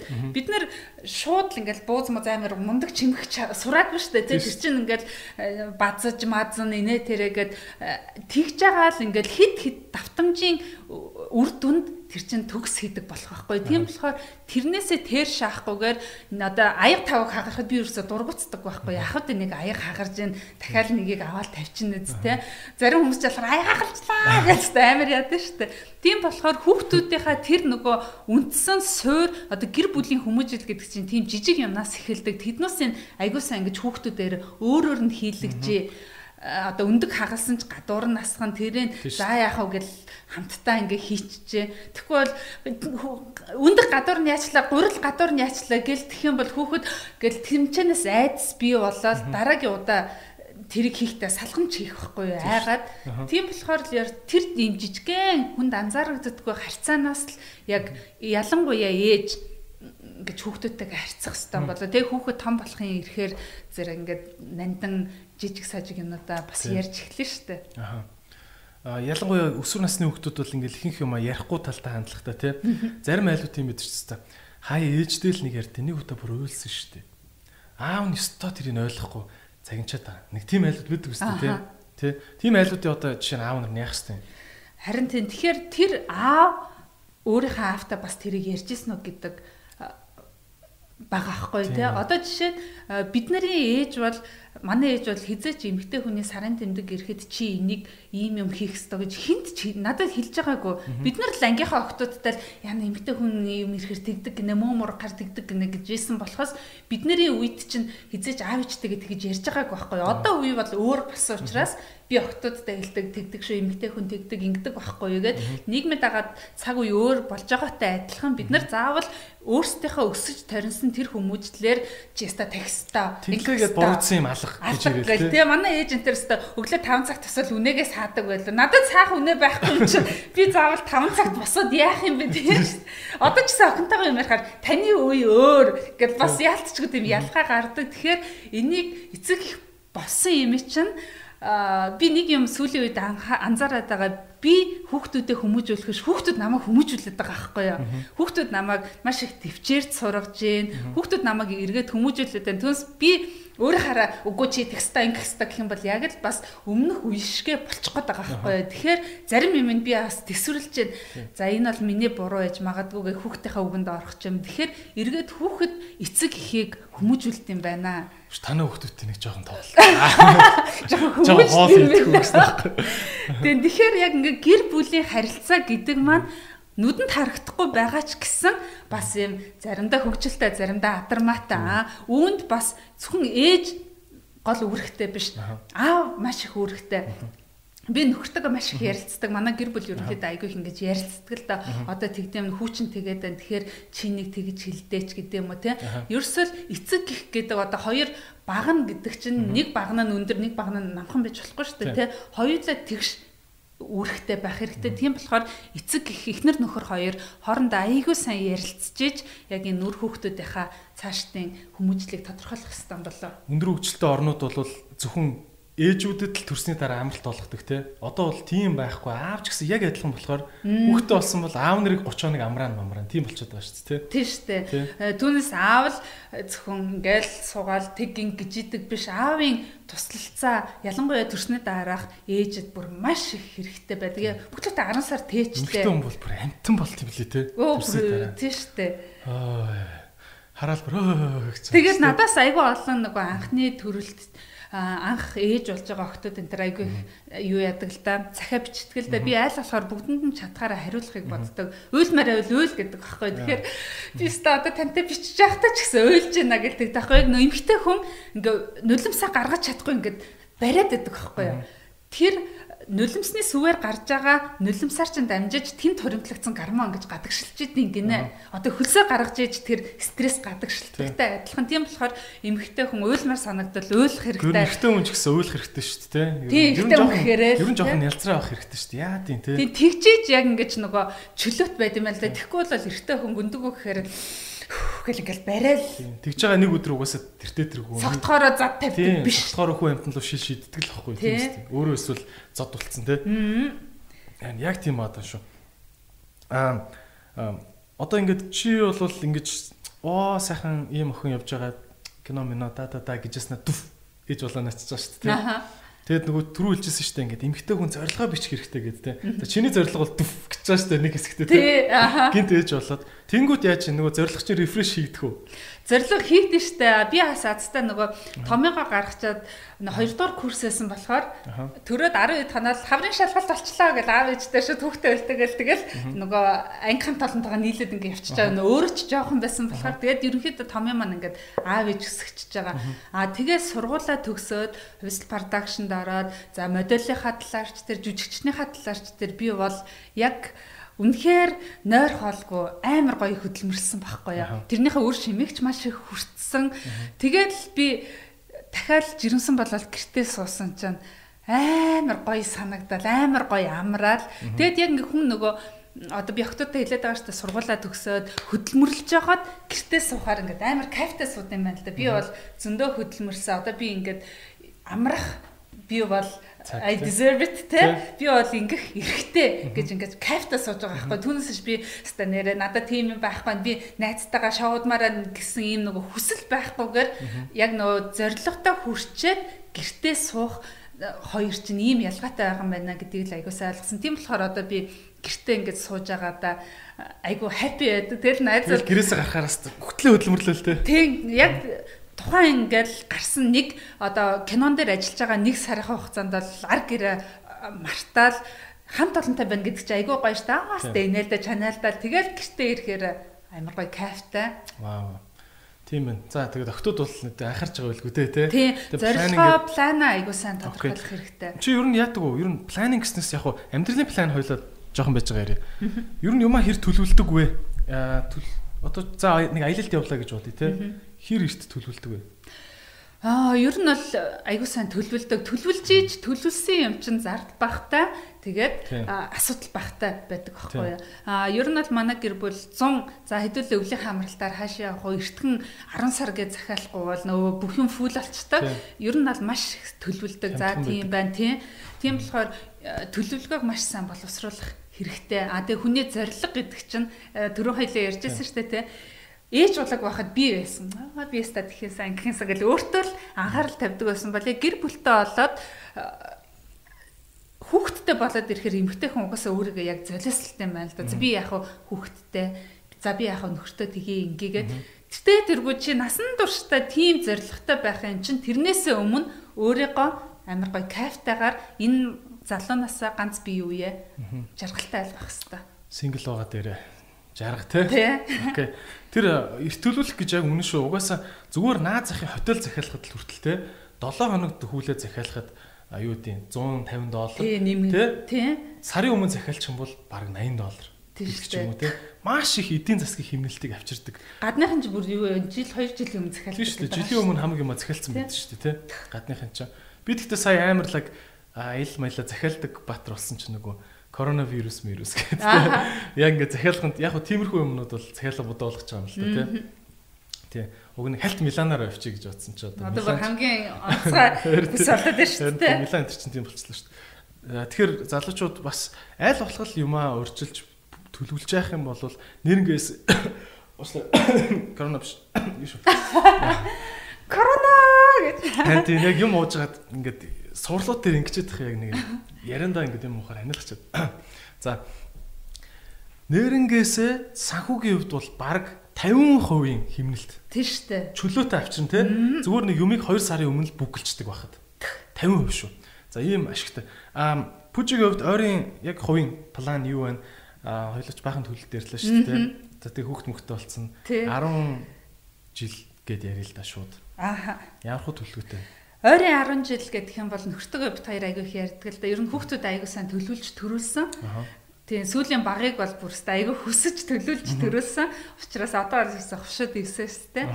Тэгээд хүүхдүүдийнхаа сургуулийг одоо манай охин чинь дараа жил 12 дугаар ангид төгсөөл яваад өгнө. Одоо хамгийн ойрын төлөвлөгөө гэдэг юм бол хүүхдээ их сургуульд оруулаа. За тэнд сургууль тэгээд тийм байр сав инэ тэрэ эхний жилдээ ажил хийхгүй хоёр дахь курсээс нь ажил хийлгэж өөрийнх нь харманы мөнгөний олуулч гэдэг юм уу тийм детальны тийм детальны аягүй сайн ингэж ярилцаж бит хоёр төлөвлөдөг. Тэгээд за гурван баг бол арай бага байгаа учраас ер нь бол Монголтой суур боловсрол эзэмшүүлж монгол хэлийг эзэмшүүлнэ гэдэг бол бүр аягүй чухал байгаа байхгүй. Мэдээж гадаад хэл сурах хэрэгтэй гэж байгаа авч одоо монголоор ярьж чадахгүй мянга гадаад хэлтэй байгаад яах вэ? Тийм болохоор хүүхдийг бол ер нь бага ангийн боловсролыг монгол хэл дээр сургах хэрэгтэй байна гэдгийг бид хоёр аягүй сайн ойлгосон.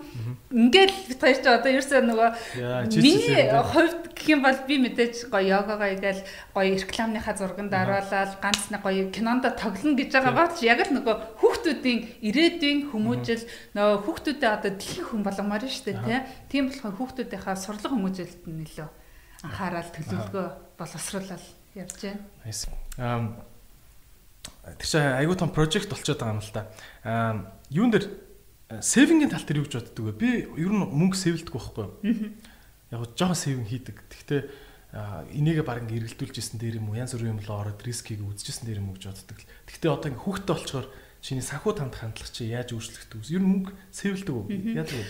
Аа, ер нь л одоо монголчууд ингэж ярьдаг шүү дээ. Хүн хүн нэмэгдвэл хүнс нэмэгдэнэ гэдэг. Хоол зүгээр ороод ирэх юм шиг сандаг хизээч тийм юм байдаг гоо нэг хүүхэд нэмэг нэг хүүхэд төсгөх хоёр хүүхэд төсгөх гурван хүүхэд төсгөх бол шал өөр. За идэж ухаас нахвал тэр хүүхэд шиг гинт өвдөн тэр хүүхдийг эмнэлэг твтүүлнэ эм тариа авч өгнө гэд бүх юм ингээ санхүүтэй холбоотой байхгүй. Тийм болохоор одоо миний нэг урданч төлөвлөгээд байдаг чинь бас үүтэй үнтэй салшгүй холбоотой. Мэдээж э, бит хоёр ярилцсан л да. За одоо Өмнө нь хоёулахна гурвалахна гадагшаа явж идэг. Одоо зургуулаа явах хоёр чиг өөр тэнгэр газар шиг ялгаатай байгаа. Би ч онгоцны зардлаас хавлал тэ. Тийм болохоор бүх юма бас төлөөлж санхүүгээ мэдээж тооцолгүй яах вэ? Гэтэ өөрөө сейвинг бол дэмждэг гэсэн үг үү?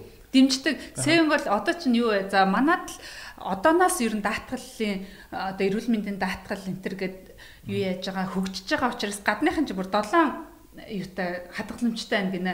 Гинтийн ослын даатгал гинтийн өвдөлтийн одоо бараг хувцсгүй болвол хоолгүй болвол гэх бүр ингээд долоон төрлийн юутай хадгаламжтай байна гэж шилээтэй юм тий. Хан тэгдэг гэдэг юм а яг гэр бүл мүл болоод ирэнгүүт та тэгээд одоо чи зүгээр ингээд бодоод үзэлтэй.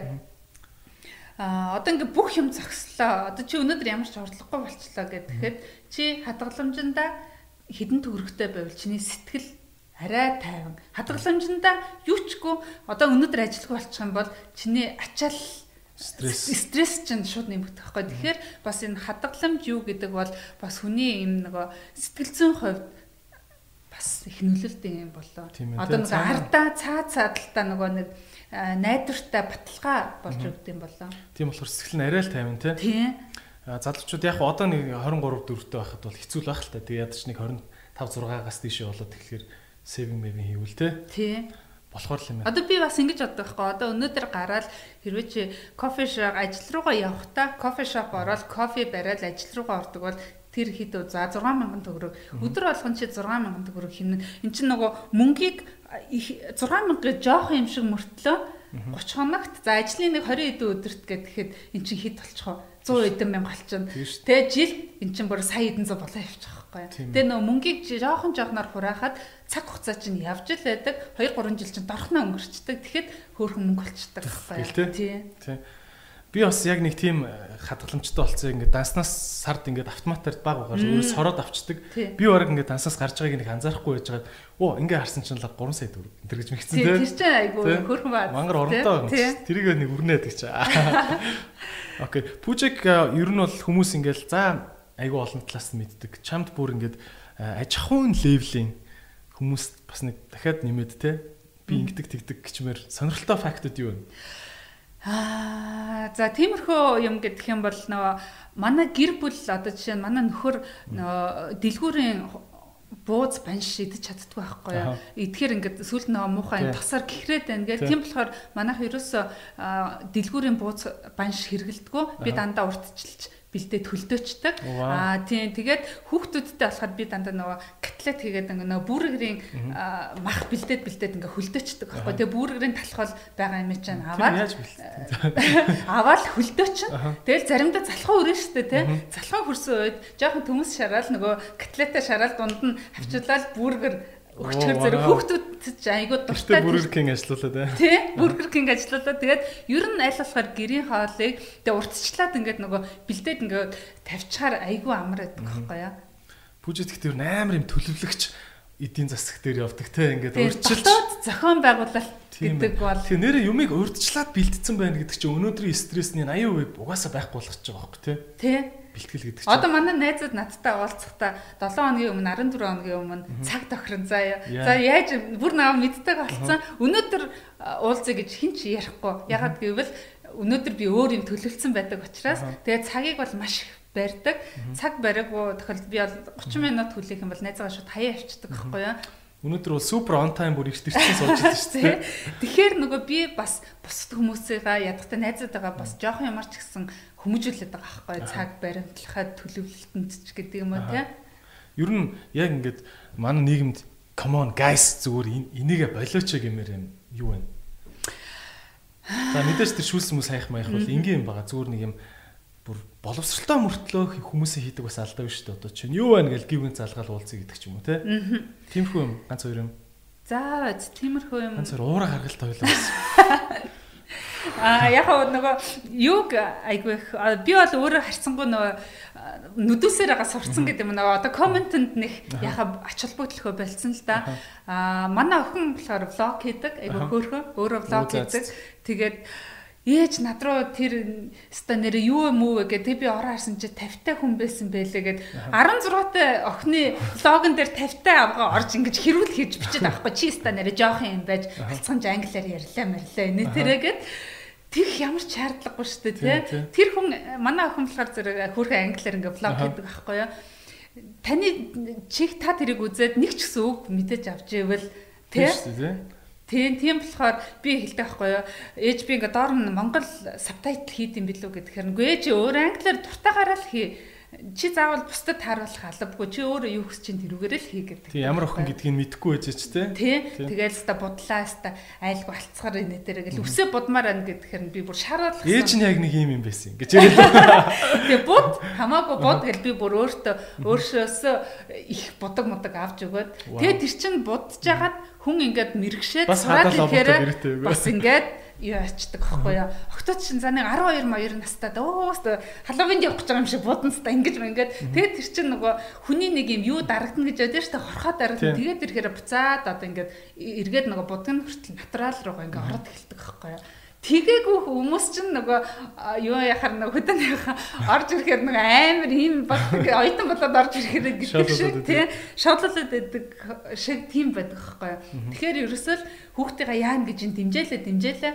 Тэгэл тэр чинь оюутан болоод ирэхээр юу нөгөө будаг шонх байтгаа нөгөө хүүдийг өмсөөл үсээ дээрээ боогол Тэртээ дөрөв гэртээ 13 4-т өвчнөө будцсан юм чи. Будцсан юм чинь тэ сонирхолгүй болчихно. Тэгээд наа чи аюу зэвүү арга байна те. Зэвүү арга байна те. Тэгэл намайг яасан сая подкаст дээр яригсэн нэг подкаст хийдэг насан дээр л явж байна. За нэг очиод уулзсан байна. Яриулч таа л гэж бодсон дээ. Одоо нэг хүмүүжээд байгаа юмсаа гэж шүү дээ. Наач аюу кул байна. Тэгвэл бас ингээд маш олон бас хосуудын хооронд юу гэдэг шүү дээ. Хосууд хоорондоо харилцаагаа яаж гоо эрүүл авч явах уу гэд ярьдаг те. А тэн дээр ямар юу байна? Ноу хау байна. Та чи одоо нөхөртөөгөө ямар тийм гоё харилцаагаа яаж гоё байлгадаг вэ? Аа Манайхан болохоор зэрэг амар юм. Намбаг дандаа инээлэгдэг байхгүй. Би бүр яаж яа нүдэн төрчлээ суулгахчлаа гэл дандаа нөгөө хүн явуулдаг. Анх ингээл явуулахаар нь үгүй би тэгээгүй штэ үгүй штэ гэл ингээл амар орчдөг байсан чи одоо бараг би явуулаад байгаа юм шүү те. Тэгэхээр хосууд маань айгуу гоё ингээл нэм сериосны биш те. Айгуу гоё хөвгөлтөл байх хэрэгтэй гэж бодож ин тхиимийнхаа тулд гоё нээлттэй байх хэрэгтэй. Зарим хүмүүс ч ингээл баг унтчихад мессеж шин үзэл ингэж ингээл тийм шүү дээ. Тийм байх ямар ч шаардлага шүү дээ. Хэрвээ чи үнэхээр л итгэж байгаа бол те ерөөсөө л итгэх хэрэгтэй. Тэгэхгүй ингээл тэр тэгсэн гэж ингээл тэнгод чи тэгсэн мө гэл амар тийхгүй шүү дээ. Тэгсэн байсан ч үнэхээр чи итгэжл байгаа бол итгэлтэй л байх хэрэгтэй. Эхнэрийнхээ үгэнд л илүү итгэх хэрэгтэй шүү дээ ядаж тий. Гаднаас янз бүр юм сонссон бол зөв. Тий, тийм болохоор ерөөсөө одоо ингээд чи би гэсэн ийм бүрхүүл байхад тэр бүрхүүл рүүгээл хин нэгнийг оруулахгүй байх хэрэгтэй. Хэрвээ хин нэг нь ороод чи тэр хүний үгэнд итгэл чи тэгсэн гэж иштгэл тэгэх юм бол энд им хан үсэл нөгөө чипт хоёрын харьцаанд асуудал гарч эхлэх байхгүй. Тийм болохоор энийг хадгалахын тулд өөрсдөө гадна талаас хүн оруулахгүй байх хэрэгтэй. Аа. Гэж бодчиход. За тоочны зүгээр нэг юм кейс яривал те одоо жишээ нь за ингэсэн чинь тэгж амар эвгүй байдалд ороод ингэж хардаж таараад тэгээд ингээд зүг ойлголцдог гэдэг шиг те октодоо нэг ийм ситуацид ингээд хилчижээвэл зүгээр ч юм уу тийм ээ кейсүүд байна уу? Ам яг тийм кейс байхгүй ямар ч байсан аа нэг үйлдэл хийхээс өмнө нэг тайван амьсгаа аваад бодох нь их чухал юм шиг байлаа. Магадгүй би ч гэсэн станарэ гэдэг төрүүлж дугарснараа сүулт нь ботход алдаатай байсан байгаа байхгүй юу тийм болохоор уурлах бол хизээд ч уурлж болно үг хэлмээр бол хизээд ч үг хэлж болно нөө үг өмхирдгүү гэдэгтэй адилхан үгийг бол хизээч хэлж болно. Тэрнээс өмнө яг өөртөө анхаарлаа төвлөрүүлээд энэ яасан бэ? Гэдгийг айгүй сайн бодоод ухаарад цаг өнгөрснээ дараа хүн тавьширдаг байхгүй юу? Тийм тийм тэгэхгүй бол яг тухайн ситуацид хүн дэлбэрэх юм бол чиний ямар ч буруугүй үнийг буруутан болгоод өөрөө сүлд нь эвгүй байдалд орох мянган тохиолдол байж болно шүү дээ тийм.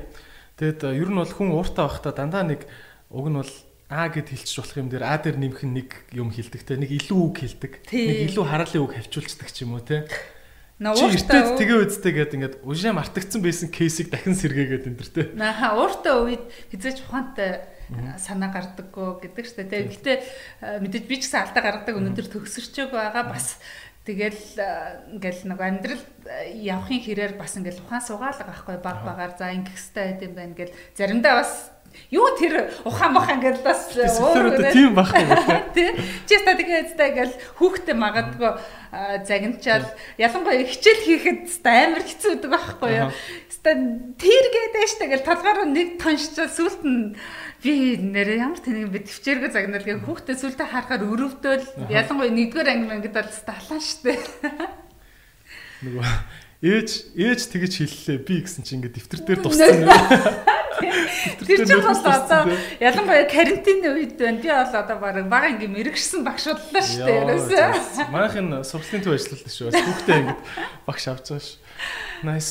За тэгээд өнөөдрийн өнөөдрийн зочноор жүжигчин пүүжэ орж байгаа. Тэгээд би яг сүүлийн асуултуудыг асуух гэж байна. Сүүлийн асуултууд маань болохоор нэг нэг дүү орж ирээд гэдэг асуулт тахгүй юу? Манай одоо уламжлалт асуулт гэх юм уу? За.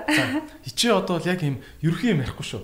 Яг яг яг дүүчин гэж бодоод хариулна за. За. Хана. За өстө нүүр мөрөө ботцсон. Орж ирж байна. 17 настай. За. Охин дүүчин за. Үеэл дүүчин. Орж ийл. Йоо их ч одоо би яг уу юу сурах уу? Нэгдүгээр цаа юу гэж сууж байгаа. Мэргэжил зэрэгсэл юу сонгож чадахгүй байна. Тэ? Хоёрдугаарт яг уу бас чам шиг ингээд бас ингээд цэрэрлэг мэрэлэг тэ?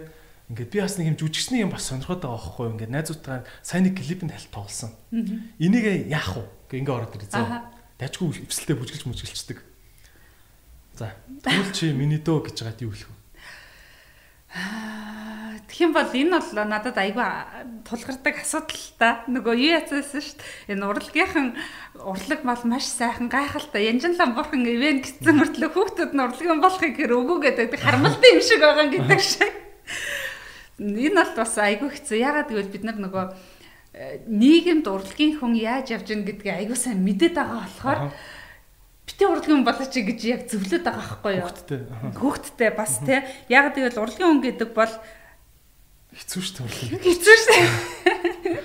Нэг рекламад нэг амар мөнгө олоод цөм игээд байгаа юм баг. Байхгүй хаяа байж байгаа л нэг юм тоглолцоо тэгэл орлогогүй гэсэн шүү дээ. Одоо харин ч тэгтээ гайгүй гайгүй барууны менежментийн компани бас болоод байна тийм тажгүй ингээд үнэлдэг болчих ш тийм аа би бас яг ийм өсвөр насны хүүхдүүдэд ойр тайрныхандаа ингэж зөвлөж байгаа за хэрвээ чи үнэхээр супер ухаантай супер толгойтой биш бол заавал бити их сургуульд сураа. Зүгээр сайхан мэрэгчлэлтэн бол тий техникумд сураад юм уу мэрэгсэн мэрэгчлэлтэн болоо сайхан ажил хийгээд амьдраа. Заавал эдийн засагч хуульч болчоод нэг газар худалдагч хийж сууж яах юм бэ? Тийм тий маш олон тийм хүмүүс байна дээ. Дэд мэрэгжил эзэмшчээд өнөөдөр цэвэрлэгч, үйлчлэгч, худалдагч хийгээ сууж байгаа хүмүүс байна. Тэрний оронд хүнд хэрэгтэй яг сайхан нийгэмд өнөөдөр хэрэгтэй байгаа дунд мэрэгжил эзэмшээд цэглгааны техникч гагнуурчин энэ гэдэг. Амар өндөр цалиа. Амар өндөр цалинтай. Гагнуурчин бол ялангуяа гадаадд очиод гагнуурчин бол бүр цөм хийдэг гэж байгаа байхгүй юу? Тэгээ сайхан дунд мэрэгжил эзэмшээд Тэгээд сайхан амьдр. Гэж би зөвлөдөг. Окей. Тэгээ нөгөө дүүчин дүү гол нь дүүчин тэгээд жоохон клипэн тоглолцсон шүү дээ. Чи зүгээр харагдаад байгаа юм шүү. Үгүй ээ чи зүгээр дугаа тэр сургуультаас сураад мэрэгжил эзэмшээл гэж хэлэндээ. За за. Юун клип солиороод байгаа юм хэмээн те. Тий, юун солиороод байгаа. Эн чин амар богино настай байхгүй юу? Яг нэг яг нэг хөөхөн нэг юм хэдхэн жил жил ингэж клипэн тоглож байгаа л тэгэл maybe те Тэр нь цаашаа яг юм. Гэхдээ кино од болсон ч гэсэн бас киногоор супер орлого олох хэцүү үстэй. Нэгдүгээр супер орлого олохгүй, хоёрдугаар за баян кино тоглоод ахаар үзэгчд өөдд эхэлдэг байхгүй наа надиал болоод. Тийм болохоор жоохон ингээд хугацаатай тэр чинь бас ингээд э, тухайн жүжигчний нас явах тусам нөгөө ийм годгонсаа охин тоглодог байсан бол арай нэг хайр дурлал дараа нь ээж имэж гэдэг юм ингээд дөрүүд нь өөр өөр болно шүү дээ тий Тийм. Тэгэхээр тэгэхээр тэрийг нэг байнгын байж байгаа юм шиг бити санаад байгаа. Тийм, байнгын байж байгаа юм шиг бити сан яг өглөө гараад оройны цагт тардаг ийм өдөр тутмын ажил биш аахгүй юу? Урлагийн ажил гэдэг бол. Хэцүүлтэй. За тэгвэл дараагийн дүү орж ирлээ. За сүүлийн асуулт. Дараагийн дүү орж ирлээ. За а 23 та заяа. За түрүүний нөгөө гэр бүл болох гэж байгаа шиг. Тэгтээ ялчгүй болцсон заяа. Ялчгүй охин охин жирэмслүүлсэн. Найз охин жирэмсэн болгоцсон. Найз охин 21-тэй ч л тий. Ийм дүү орж ирлээ. Тэгээ нэг ямар маркетингийн юу ч гэнэ үү тийм мэрэгчлэр нэг сургалт өгсөн заяа. Монголд. Тэгээ орж ирлээ. Анаа би одоо яах вэ гэд ингэ заяа. Яаж нэг хайтах удаа амьдрах вэ? За түүлээ үжлэх. За нэгэнт одоо эхнэр авч байгаа бол эр хүн ялангуяа хариуцлагын үр хэрэгтэй. Аа хамтдаа одоо хүүхдээ тэгээд гаргах хэрэгтэй те. Аа гэхдээ ахуулж болохгүй те. ахуулж болохгүй. Ахуулж яагаад ч болохгүй. Энэ бол маш том эрсдэл эрүүл мэндийн хувьд. Аа тийм болохоор нэгэнт хүүхэдтэй болчихсон л бол гаргах хэрэгтэй. Аа тэгээд одоо эр хүн эцэг хүн боллоо шүү дээ. Өрхийн тэргүүн болох гэж байгаа юм чи ажил хийх хэрэгтэй. Үнэхээр чамд мэрэгжлийн ажил олдохгүй бол ажил хүнийг голдог болохоос хүн ажлыг голдоггүй мó болохгүй л барилга дээр ч гэсэн очиод ажил гэж л. Одоо манай залуучууд ер нь хараад тахад эр имгүй ажил амар голдог болцсон. Тэгээд цалин голдог болцсон. Шууд менежер гэж орж ирдэг. Тэгэл ерөөсөө сарын 500 600 гэвэл юу ээ гэлтэй тэр хүн өөрөө юу хийж чадах вэ тэгсэн мөртлөө автобусанд суух дургу такси ярих дуртай. Тэгээд ажил голдог. Тэгсэн мөртлөө өөрөө юу хийж чадахгүй. Тийм байгаа. Тийм болохоор ерөөсөө чамааг ажил голоогүй нөхцөл ажиллах хэрэгтэй. Манай энэ техникч залуу сонсож байгаа биз? Ажил болохгүй. Одоо энэ подкаст нэр цалин өгөхгүй шээ гэж. Подкаст ч бас хүний хөдөлмөр орно тийм дээ. Nice. Окей. За тэгвэл тэгэл ажиллаа хийвөр явах тий. Тий, ажиллаалаа хөдөлмөрлөөлөө сайхан. Аха. Тэгэд Пүүжигийн бас нэг хэлсэн үг надад үнэхээр таалагдлаа. Чи ингээд те 23 дөрөвтэй бол чамд бурхнаас өгсөн гоо сайхан ч юм байна. А тэгтээ чи ингээд 30 хүрээд ирэхээр чамд хөдөлмөрл гоо сайхныг авчирна гэж бол би ойлголоо тий. Тэгээ хөдөлгөөн мангар чухал юм байна тий. Тэг хөдөлгөөн маш супер чухал. Хооллох чухал. Ерөөсөл эрүүл амьдралын хэв маягийг өөртөө хөвшүүлэх хэрэгтэй. Тэгээ өөрчилж юмаа бэлтгэх хэрэгтэй мэн. Би одоо очиж байгаад гэртээс та баахан бууз хийгээд бэлдээд амар жигэнж бигнэхэд бэлдсэн ингэ хөргөч. Хөлтөөгөө тавьчих хэрэгтэй. Тэгвэл миний амьдрал өөр тасарлаа. Вау. За тэг пүүжээ thank you so much. Үнэхээр гоё яриа боллоо. Аа маш маш гоё залуучуудад яг сэтгэлээрээ ярьлаа гэж би бол бодож байна. Үнэхээр би бас баг хүмүүжэд эхэлчлээ юм. Чамд ч гэсэн баярлалаа. Ингээ бит хоёрын ярилцлаганаас те подкастнаас а нэг ч гэсэн өөртөө хэрэгтэй зүйл нэрэ тийм юм байна ч гэдэг юм уу. Тийм ухаарл орж ирсэн л бол бит хоёрын ярилцлагын үр дүн байгаа. Тийм. Тийм. Тэгээд бит хоёр пүжи бит хоёр бол царайны хувьд бол яг эсрэг тесрэг хоёр тийм.